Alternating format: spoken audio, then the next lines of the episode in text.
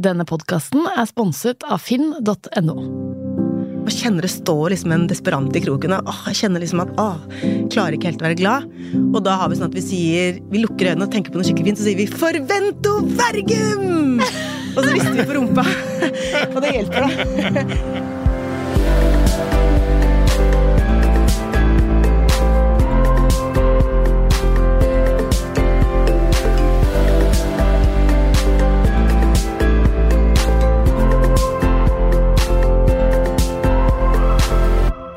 Velkommen til oss i Familiekoden.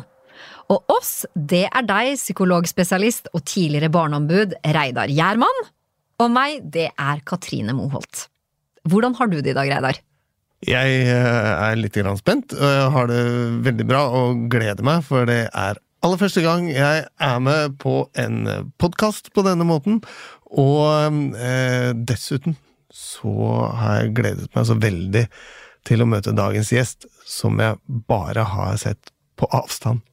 Ja, jeg er helt enig, men uerfaren det er du i hvert fall ikke, Reidar, for vi er jo også med i TV 2-programmet Familiekoden, der vi prøver å finne ut hvilken foreldrestil som er mest inspirerende. Men her i podkasten så skal vi finne ut hva slags foreldrestil ulike kjendiser har, og hva den stilen betyr for barna deres.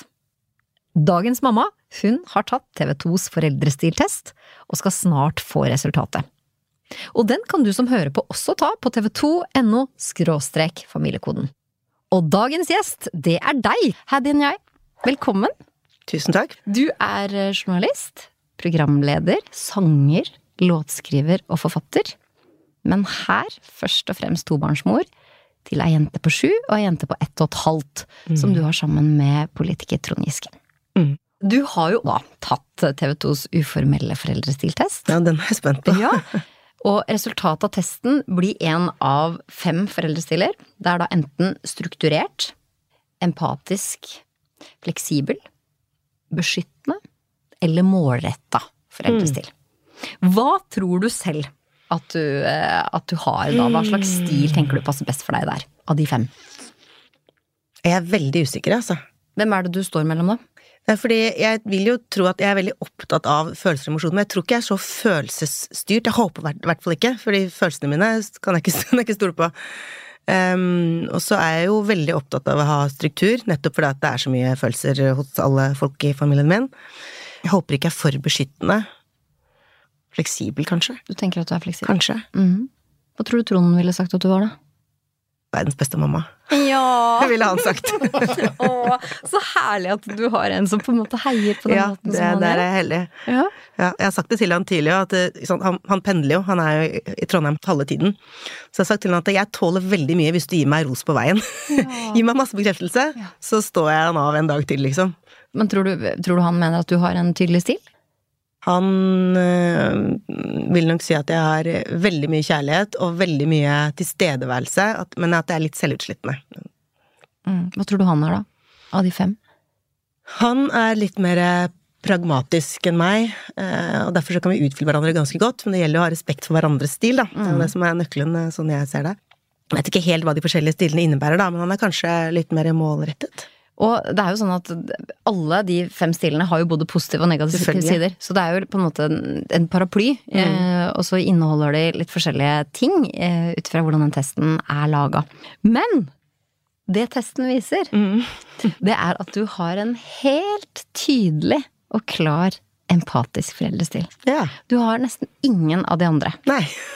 eh, hva tenker du om det? Ja, jeg vil gjerne vite mer om hva det, hva det betyr. Ja, Da, Reidar, empatisk ja. foreldrestil her snakker vi om at eh, du eh, er kanskje god på å benevne eller å hjelpe barna til å forstå sitt eget følelsesliv, da. Du sa i stad at følelses, følelsene, mine har jeg jo ikke kontroll på, sa du. De kan jeg ikke stole på. De kan jeg ikke stole på, mm. var det du sa. Mm. Altså, det kan jo virke som du har et slags prosjekt om at du skal hjelpe barna dine til å stole på sine følelser. For det er jo en fordel, da, hvis, man, hvis det svinger litt, som det jo gjør hos folk, at man forstår hva det er som foregår. Og Ja, det er det jeg tenker at eh, bruke det til noe. Det at de kan eh, identifisere følelsene sine er viktig, men det jeg lærer særlig hun eldste som har mest følelser enn så lenge, det er at eh, hvis du føler at noe er farlig, så trenger ikke det å bety at det er farlig. Og det å være redd er heller ikke farlig. Og det samme med hvis du kjenner en klump i halsen eller noe som er Så trenger ikke det bety at det har skjedd noe som gjør at du får klump i halsen. Det kan bety at du er sliten. Det kan bety at du bare trenger å være hjemme litt og være sammen med meg. Det treng- kan bety at du ikke har spist nok. Det er det jeg mener med å ikke stole på følelsen. Man kan, man kan identifisere følelsen som klump i halsen, men å se at det kan være veldig mange grunner til at du føler som du gjør. Sant? For det er veldig ofte at man finner ting i livet som man kan hekte følelsen på.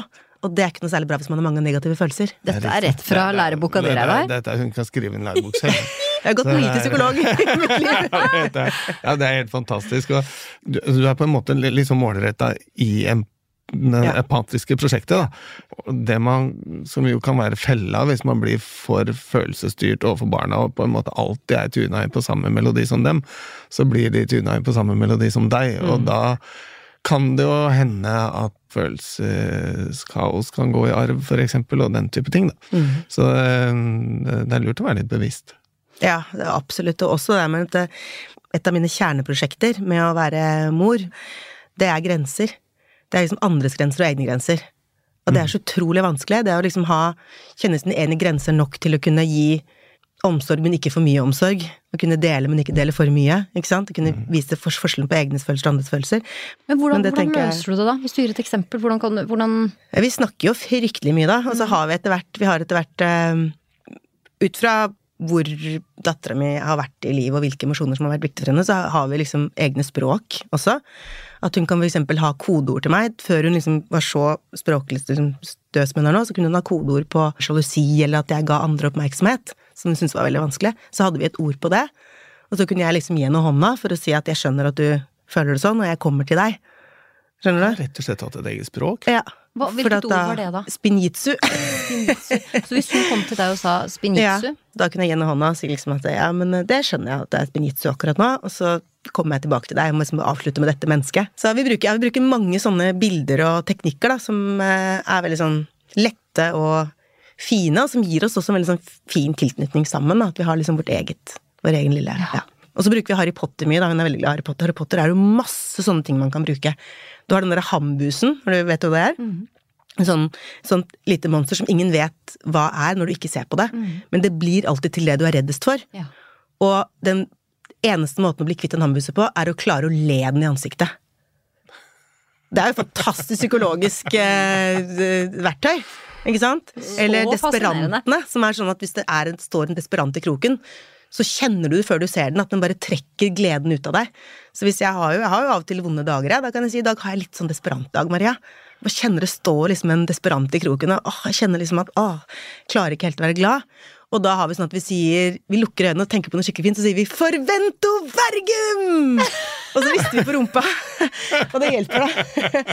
Så, da, da går han, ja, ja, for da må vi tenke på noe skikkelig fint, Ja. og den tåler ikke det. da At Nei. man tenker på noe skikkelig fint og sier 'Forvento vergum'. Ja. Og så sier jeg liksom en mål er Maria, at du skal klare det helt selv. Ikke er der, så kan du gå på do liksom og bare. 'forvento vergum', og så bare Så blir den borte. Ja.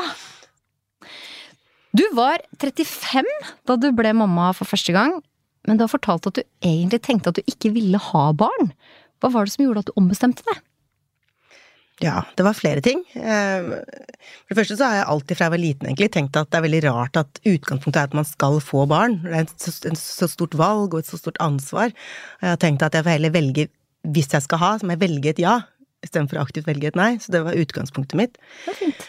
Og så etter hvert som eh, jeg ble eldre og hadde mye, sleit mye, hadde mye depresjoner og hadde liksom mye vanskelig, da, så bestemte jeg meg tidlig for at jeg ville ikke føre videre alt det til, eh, til et barn. Jeg tenkte at det er så mange barn, og hvis jeg noen gang liksom kommer ut av dette og blir et menneske med overskudd, så fins det jo mange barn jeg kan gi kjærlighet og overskudd til, som ikke trenger å være mitt eget.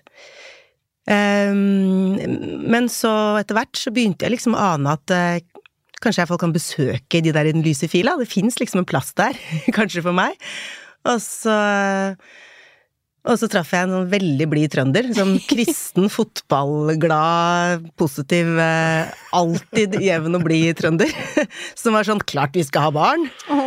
Eh, og så bare sakte, men sikkert så flyttet liksom blikket mitt seg fra sånn den, det eksistensielle kaos, liksom, vil jeg, skal jeg leve eller ikke, og hva er meningen, hvorfor skal jeg dette, og sånn, til sånn Det blir koselig å fyre i peisen, da. Altså, Og nå som du da er midt i 40-åra og har to små barn, Ja. hvordan syns du det er å være mamma? jeg, jeg trodde jo at hvis jeg får barn, så kommer jeg til å Kommer alt annet til å bli ikke uviktig, men i hvert fall mye mindre viktig for meg, og det ble det. Jeg eh, står ikke opp for å jobbe. Jeg jobber for å kunne komme hjem og være sammen med barna mine. Mm. Jeg tar jobber akkurat det jeg trenger for å tjene nok penger til å kunne være masse med barna mine, og til å kunne ha et eh, trygt og godt liv. Og ellers så er det egentlig det jeg vil, særlig når de er så små. Og så har jeg jo en bonusdatter som er 20, og hun minner meg jo hele tiden på at det er ikke så lenge de vil være sammen med meg hele tiden. Det er, ikke, det er ikke så lenge at de sier 'mamma' hver gang de ser meg. Eller sånn som i dag morges, for jeg prøvde å gå på do. Altså, jeg får aldri sitte på do uh, i fred. I dag morges så tenkte jeg kanskje jeg kan snike meg på do, så går det liksom 20 sekunder, så sier hun på sky 'mamma, det er krise!' Det er liksom, Hva var det som hadde skjedd da? nei, hva var det for noe? Det var Anna som hadde fått tak i en tusj, tror jeg. Altså det, og pappa er jo der, men det er likevel ja. Men når krisen kommer, da er det, Ja, det mamma, er, ja. mamma som må på banen. ja. Ja. Men dette her, er, dette her er akkurat det vi er så opptatt av, Reidar, det med tida. Ja, At det går så fort. Så fint at du er så Det går bevisst på unna, det. men samtidig så akkurat når man står midt i det, så føles det vel av og til som det går fryktelig sakte. Jeg tenker noen ganger at jeg orker ikke én blei til. Jeg, jeg, Nei. or jeg orker ikke en legging til, jeg. Det går, Så, men så går det jo.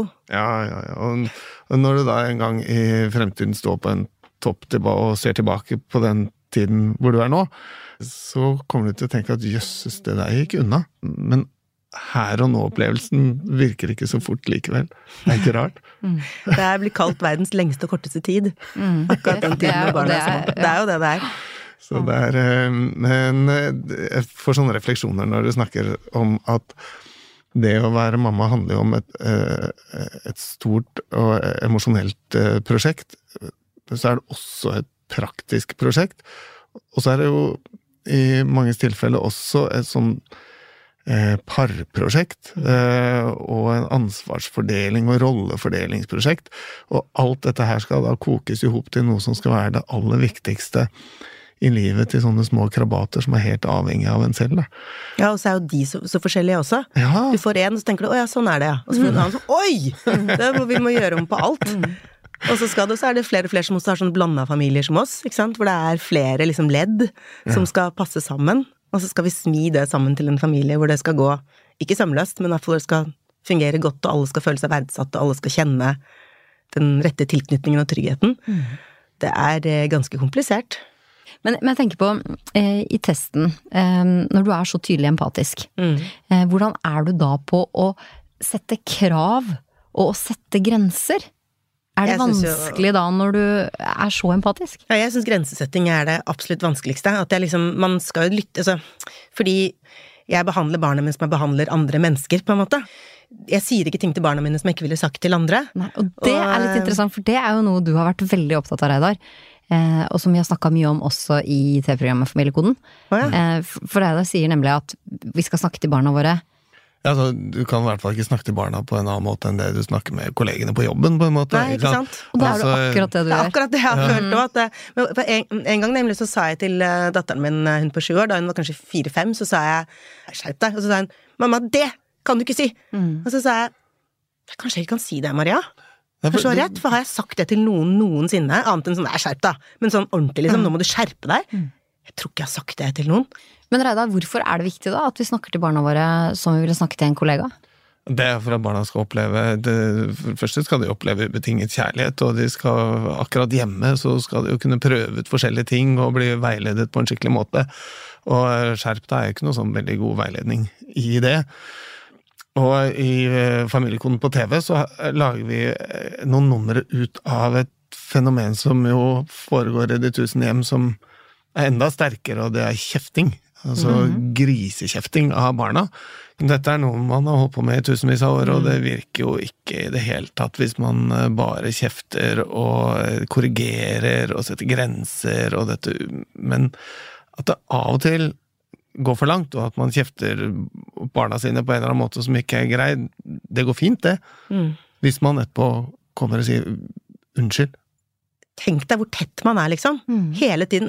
Dattera mi stilte meg et utrolig godt spørsmål en gang, som jeg bare Jeg tok det opp for henne igjen nå, for det er et par år siden hun stilte det, så sa jeg Maria, det, det spørsmålet tenker jeg på fortsatt, for hun spurte Mamma, ville du helst hatt foreldre som var slemme, men elsket deg, eller foreldre som var snille, men ikke elsket deg? Og jeg ble sånn Åh, Reflektert barn, ja. åh, så er det her må jeg tenke litt på. Men så sa jeg sånn at jeg lurer på liksom, om det er mulig som forelder å ikke elske barnet sitt. Jeg vet ikke om det er mulig. For at vi er så tett på hverandre, jeg tror nesten ikke man ville tålt det man må tåle, uten å elske hverandre. Og jeg syns fortsatt det er kjempevanskelig å svare på, jeg. Og så sa jeg at det kommer an på hvor slem, da, og hvor snill, og hvor Altså, og tenker du at barnet visste at foreldrene ikke elsket det, eller tenker du at barnet ikke visste det? Så det var jo en kjempeinteressant Mm, diskusjon, da. Mm. Ja. Og hadde de vært slemme hvis de virkelig hadde elsket henne? Ja, men jeg det tenker jo at foreldre kan jo være Og det sa jeg til henne, jeg tror foreldre kan være slemme selv om de elsker barna sine. Mm. Sånn? Jeg tror mange foreldre som Jeg vet selv hvor forbanna man kan bli, og hvor dritsliten man kan bli. Og hvis jeg hadde vært alene, for eksempel, og hvis jeg hadde hatt andre bekymringer Jeg er jo kjempeheldig. Jeg har en kjempefin jobb jeg som er fleksibel, jeg har en familie som støtter meg, jeg har Trond, jeg har liksom Tenk deg hvis jeg hadde hatt et litt annet liv, da, hvor det var innmari mye annet som sugde meg ut for krefter, og jeg hadde liksom desperanter i alle hjørner. Nei, det er lett å tråkke over grenser da, altså. Og ikke liksom kunne reflektere så mye om å validere følelser og bla, bla, når du har liksom må få mat på bordet og ja. Få holde litt tak i det der med at jeg tror ikke det er mulig for foreldre å ikke elske sine barn. Og det er jo en av de angstene som en del foreldre faktisk sitter med, da. Når det virkelig røyner på, ikke sant. Og det kommer den fjerde telefonen fra skolen denne uka om uh, dette barnet som da ikke oppfører seg sånn som skolen forventer, og, uh, og det er skam, og det er eh, alt mulig rart, og man har nettopp fått sparken på jobben, og det, ikke sant, livet bare tårner seg opp, og alt er dritvanskelig. Og så får de i tillegg denne Og jeg kjenner ikke engang på kjærlighet overfor barna mine. Og den panikken der er ganske fryktelig. Men den er Det er ganske normalt. Men det betyr ikke at ikke de elsker barna sine. Nei, og kjærlighet føles ikke alltid som sånn god, varm kjærlighet. Nei, Kjærlighet kan kjennes vondt og strukket og Ja. piggete og vanskelig. Så, um, men i et sånt Instagram-samfunn da, så, så ser det jo ut som alle som Mm. elsker hverandre, bare går rundt i sånn solnedgang Ja, ja. hele tiden. Men tenk på det med den der vellykketheten på Instagram, eh, Reidar, og da kommer vi jo til eh, en annen ting som vi også stilte spørsmål om i testen. Dette her med skjermtid, som er en, en kjempeutfordring. Og, og, og der svarer jo du det kan være nyttig og inspirerende, men viktig å begrense så det ikke går utover andre interesser. Og så forteller jo du at du leser mye for barna dine. Dere har deres eget språk, dere er inne i Harry Potter sin verden. Og da tenker jeg det er interessant å spørre deg, hvordan får du dem til å lese framfor å sitte foran skjerm? For jeg har inntrykk av at hvis barna får valget, så vil de jo øh, velge skjerm nesten uansett. Jeg tror det er mange foreldre som gjør alt for at barna skal lese, og man liksom legger til rette, og så vil ikke barna lese likevel. Så det er ikke bare så, Altså hun som er eldst, da, som jeg har lest for lengst, før Anna kom, så leste vi én time hver dag uansett. Selv da Anna var på sykehus, så leste jeg liksom på FaceTime. Vi var liksom, det var helt hellig.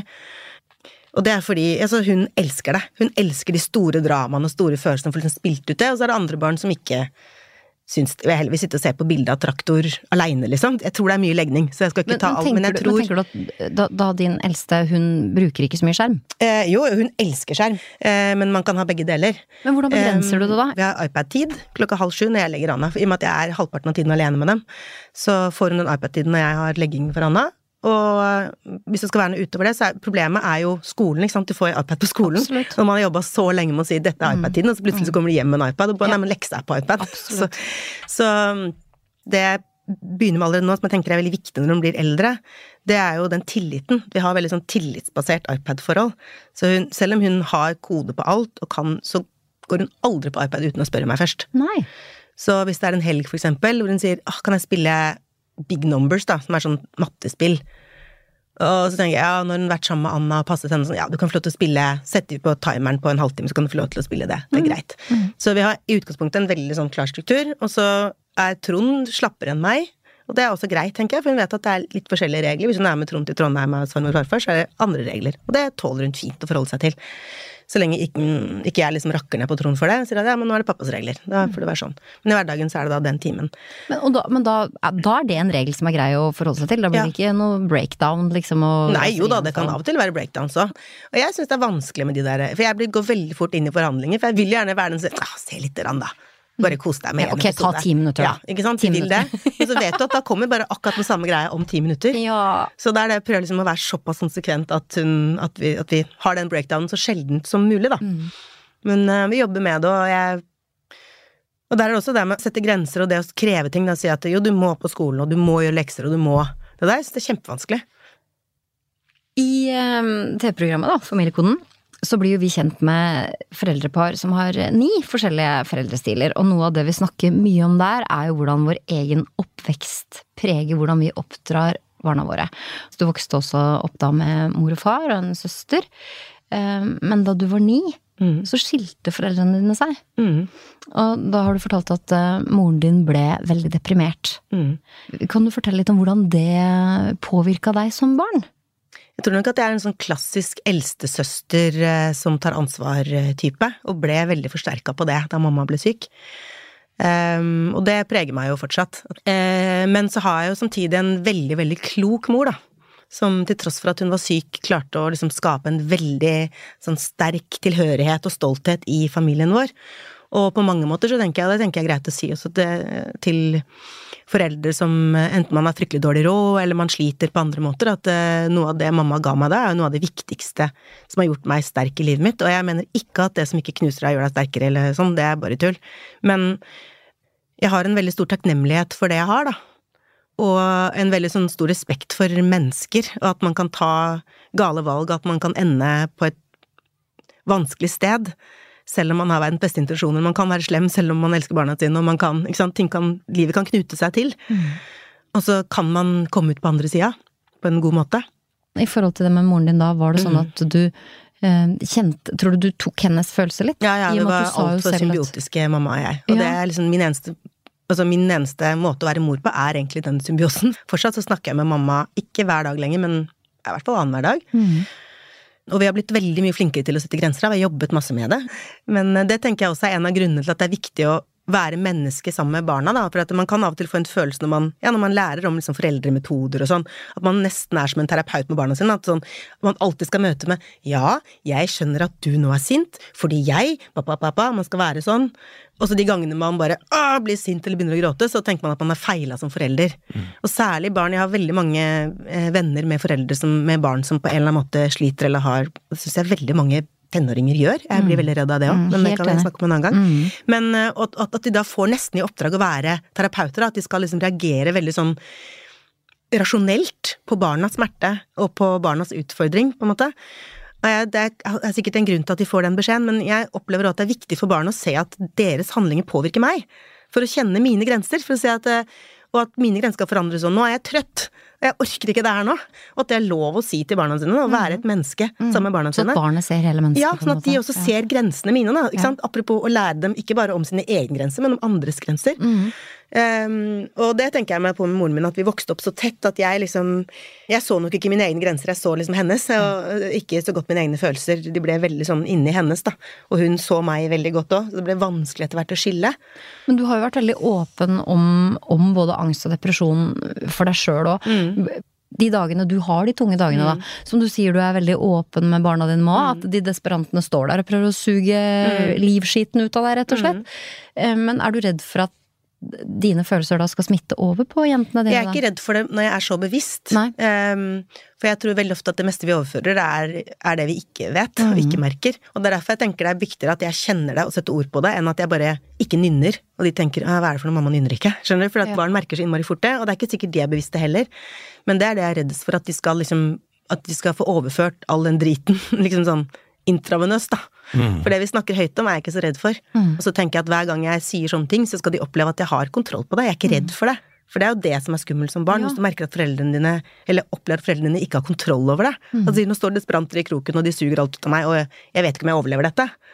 da, er ikke det noe særlig godt bilde. Mm. Men så lenge jeg sier at nei, nå må vi kjøre forvente vergum, ja ja, de blir nok borte etter hvert. Ja ja, i morgen så er de sikkert ikke der lenger. Nei. Da går det bra. Da tåler barn veldig mye, tror jeg. Mm. For det er veldig mange foreldre som, som sliter med, med psykiske lidelser. Og kan du si litt om hvordan vi skal takle det? det, det er jo normalt å ha nedturer, øh, og, det, og den gode nyheten er jo at det går an å komme seg ut av, eller finne måte å leve med det på, osv. Men barn, de skal slippe å ta ansvaret for foreldrenes psykologi. Og det, det er liksom privilegiet med å være barn. Det finnes et begrep innenfor psykologien som heter eh, foreldregjorte barn. Og det er de som er så knyttet sammen med foreldrene sine at når foreldrene da svikter på sin egen selvivaretakelse, så går barna inn og ivaretar foreldrene sine og blir sine foreldres foreldre. Det var litt sånn du opplevde det, da. Ja, selv om mamma alltid klarte, liksom, så var det jo Det var jo ikke bra. Det har vi jo snakket mye om. Så er, eh, når man er forelder, så er det enormt viktig å ivareta egen psykisk helse. Og da å være på steder hvor man ikke er alene, det er, er vel starten på å finne løsningen på det hele. Det er ikke lett det der, altså. Det, men jeg tenker at man til og med altså Da jeg hadde sånn inntakssamtale på, med dattera mi i barnehagen, da hadde vi en times prat, og da spurte de meg om min oppvekst. Hvordan jeg har det. Oi! Og det tenker jeg, jeg ble så glad for det, og det er Oi. selvfølgelig veldig invaderende. Det er sikkert, jeg er jo veldig vant til å snakke vei om vanskelige følelser, men det er sikkert en del som kan føle at det er vanskelig. Og også sånn, blir du sint, hva gjør du da? Ja, jeg syns det var utrolig fint, for da hadde det vært veldig da hadde, Selv hvis jeg hadde syntes det var vanskelig, så hadde det vært en mulighet da, for å si at nei, akkurat nå er det litt vanskelig, eller vi har det litt tøft hjemme, eller vi krangler mye, eller altså hva enn. Og det kan også være inngangen til at kanskje de kan si at vet du hva, jeg tror at dere trenger litt støtte.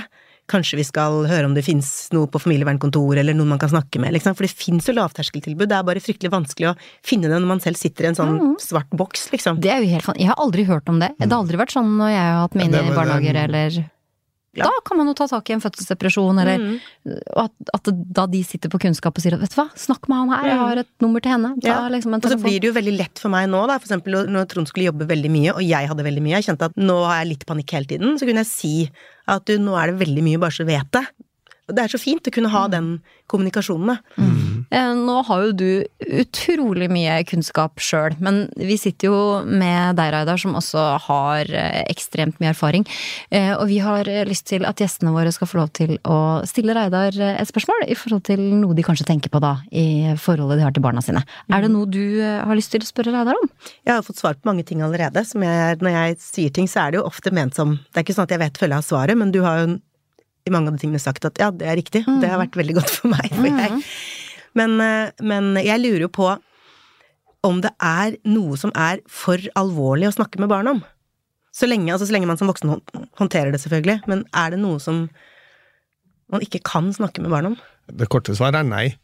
Um, man kan snakke med barn om alt. Og man bør snakke med barn om alt, eh, særlig de tingene som de jo får på en måte en slags uh, smakebit fra andre hold, sånn at de trenger å få hjelp til å sette ting i sammenheng. Altså for eksempel krig, da, som noen, noen barn da kommer borti, så er det jo viktig eh, å hjelpe dem til å kunne stille de rette spørsmålene for barn som ikke får svar på det de går og lurer på. De lager seg sine egne fortellinger, som jo av og til kan være eh, betydelig verre og mer skremmende enn sånn som virkeligheten faktisk er, da. Ikke sant? Som eh, kommer krigen til oss, for eksempel, så går det faktisk an å si at det, er, det ser ikke sånn ut. Ikke sant? Så, så det å fange opp hva barna går og lurer på, og snakke med dem om det, det er veldig viktig. Er det noe spesielt du tenker på når du sier for Nei, det alvorlig? er, jeg, er jo, jeg har vokst opp sånn veldig uten filter, da, fra moren min på det. Altså veldig sånn fortalt på en ordentlig måte, men veldig sånn Hele bokhylla er åpen, alt er lov å lese, Mm. alt er lov å spørre om. Eh, og jeg opplevde det som positivt, men samtidig så er jeg jo et, var jeg et barn som tenkte veldig mye, og det skapte jo mange Mm. nye tanker, for at et svar er jo ikke nødvendigvis sånn at ja, men da var det Ja, men da har i hvert fall hun åpnet opp for at du kan, Kan spørre igjen. du kan Ja. igjen, ikke sant? Og um, ha da gode veiledere i foreldrene sine, eller noen i barnehagen, eller hva det måtte være, det er jo kjempeviktig. Vi, er, vi som psykologer er jo opptatt av at man allerede tidlig snakker om sånne helt forferdelige ting som seksuelle overgrep, for eksempel, da. For at de som er utsatt for det, skal forstå at det skjer noe med dem som ikke er bra, og som ikke er lov, og som de kan få hjelp til å få stoppet, og alt dette her. Og de som ikke er utsatt for seksuelle overgrep, som jo heldigvis er de aller, aller fleste, de tar jo ikke noe skade av å få høre om dette her, at det skjer. Men de kan kanskje være, forstå hva det er snakk om. Når et annet barn kommer eh, til dem og forteller om hva som skjer hjemme hos onkel, for eksempel, da, Mm. så kan de andre barna sette det i en sammenheng og gå og fortelle om det Ja. til en voksen. Så, så svaret er ja, man kan snakke med barn om alt, og så skal du ikke dynge dem ned med ting, men det skal vi ikke gjøre med oss selv heller. Eksempel når det er, nå er krig og mye forferdeligheter rundt omkring i verden, så må vi sørge for at det er lange, lange, lange pauser, og at vi tar ting inn i porsjoner, sånn at vi klarer å mestre det. For det er ingen av oss, verken store eller små, som er i stand til å svelge unna alt det som skjer, mm, og all den informasjonen som kommer. Jeg, jeg, må, jeg må spørre om, om en ting til, jeg, i, i forlengelsen av det som jeg har tenkt mye på. Det er det med tvang. For at, eh, vi lærer jo barna våre i sammenheng med spesielt seksuelle overgrep og sånt. ikke sant? At kroppen er din, og ingen skal tvinge deg til å gjøre noe du ikke vil. og ikke sant? At Samtidig som vi jo, hvis barn ikke vil pusse tenner, da, så tvinger vi jo.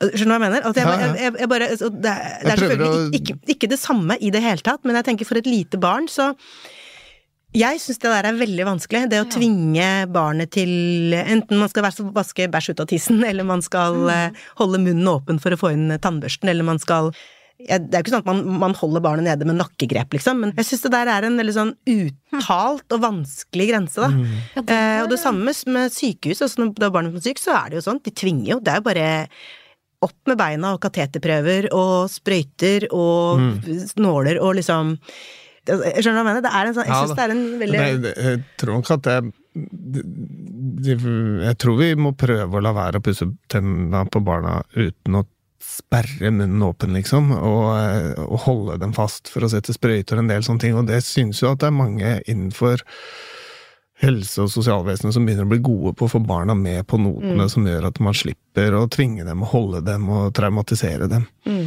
Og jeg, jeg vil nok jeg vil nok ha tenkt at det er vel bedre at disse tennene forblir upusset, enn at man skal ha en som holder og en som spenner opp munnen og pusser, liksom. Så det er um... Hva skal man gjøre da? Hvis du har en unge som absolutt ikke vil pusse tenner? Det som er felles for sånne situasjoner hvor barna eh, tilsynelatende slår seg vrange, det er jo eh, at vi ofte har dårlig tid, eller eh, at det ikke er helt enighet om hvilken rekkefølge ting skal gjøres i, eller, eh, eller slike ting. Og eh, det er jo om å gjøre ikke å være en av de som bidrar til å eskalere konflikten. Da. Så er man en ansvarlig voksen, så handler det om å puste litt med magen, ta seg litt mer tid, og så blir det kanskje et barn som sovner litt seinere akkurat den kvelden. Men den store diskusjonen om hvorfor det er viktig å pusse tenner og sånn, den tar man ikke når barnet er i affekt. Det tar du på et tidspunkt hvor barnet er rolig. Eh, Da handler det om altså enten dagen etter eller noen timer før man skal ha denne seansen med tannpuss, og så snakker man sammen pent og rolig om hvorfor det er viktig, og så hører man med barnet hvordan liker du at vi gjør det, er det noen spesiell type tannkrem du syns er bedre enn den andre, Eh, og slike ting, ikke sant? For å kjefte, for eksempel, det virker ikke. Og det skaper bare ubehag, og da blir det en ny situasjon dagen etter. Men helt konkret, hva sier jeg til barnet mitt da? Hvis ungen sier 'jeg vil ikke pusse tenner'?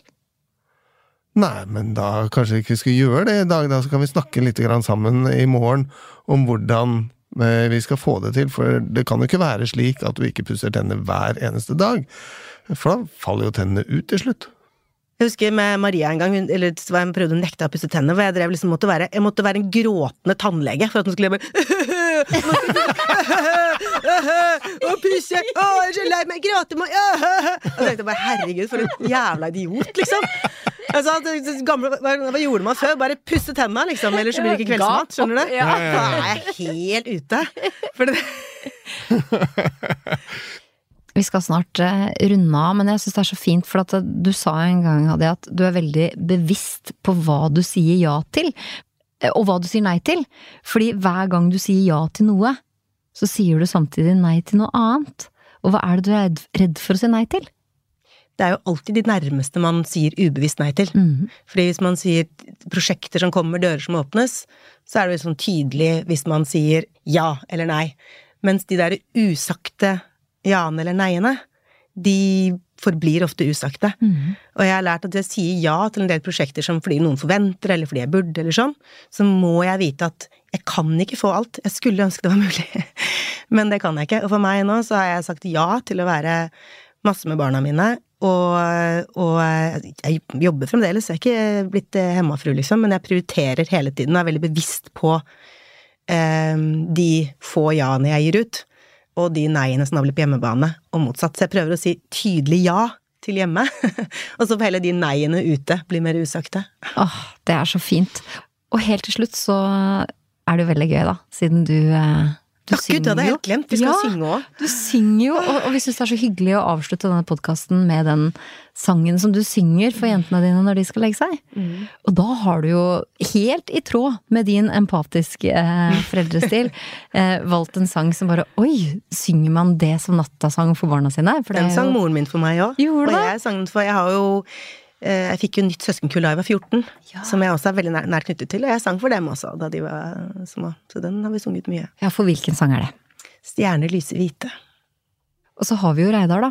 Som eh, er innmari god på piano, og som skaper så fin, eh, fin stemning. Så jeg tenker Reidar, du skal få sette deg bak tangentene, og så skal Hadi få synge for både oss og for jentene sine, og for alle som trenger litt, eh, litt deilig eh, sang.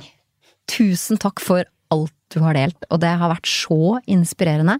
Jeg tenker vi skal ta med oss videre disse desperantene som står og suger kraften ut av oss i hjørnene, og be dem gå ut sammen med barna våre. Det syns jeg er veldig inspirerende. Dette er jo en mamma sånn som mammaer skal være, vet du, som lytter til barna, som har et eget språk med barna sine, og som synger for dem hver eneste kveld, og som, eh, som sier nei til alle tilbudene som kommer rekende, sånn at hun kan si ja til barna sine i stedet, ikke sant? Så det er em, eh, virkelig en som benytter sjansen og den tiden hun har, da, med barna sine eh, før de blir voksne og flytter hjemmefra. Skikkelig inspirerende. Det kan man si. Veldig hyggelig å være her. Takk for meg.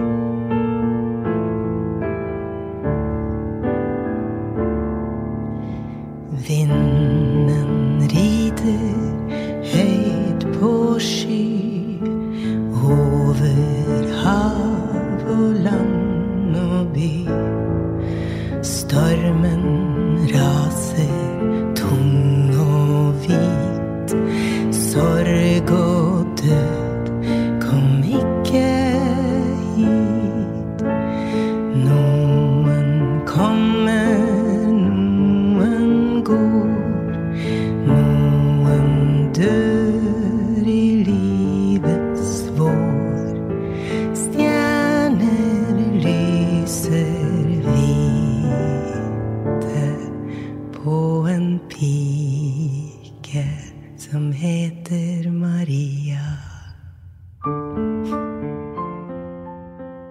podkasten er produsert av Monster for TV 2. Produsent er Kjersti Kvam. Research og booking av Tara Solli. Etterarbeid er Pernille Vikørn og Espen Rogne. Musikk av Espen Rogne. Ansvarlig produsent for Monster, Mira Khan. For TV 2, Mari Vattum. Og redaktør i TV 2 er Trygve Rønningen.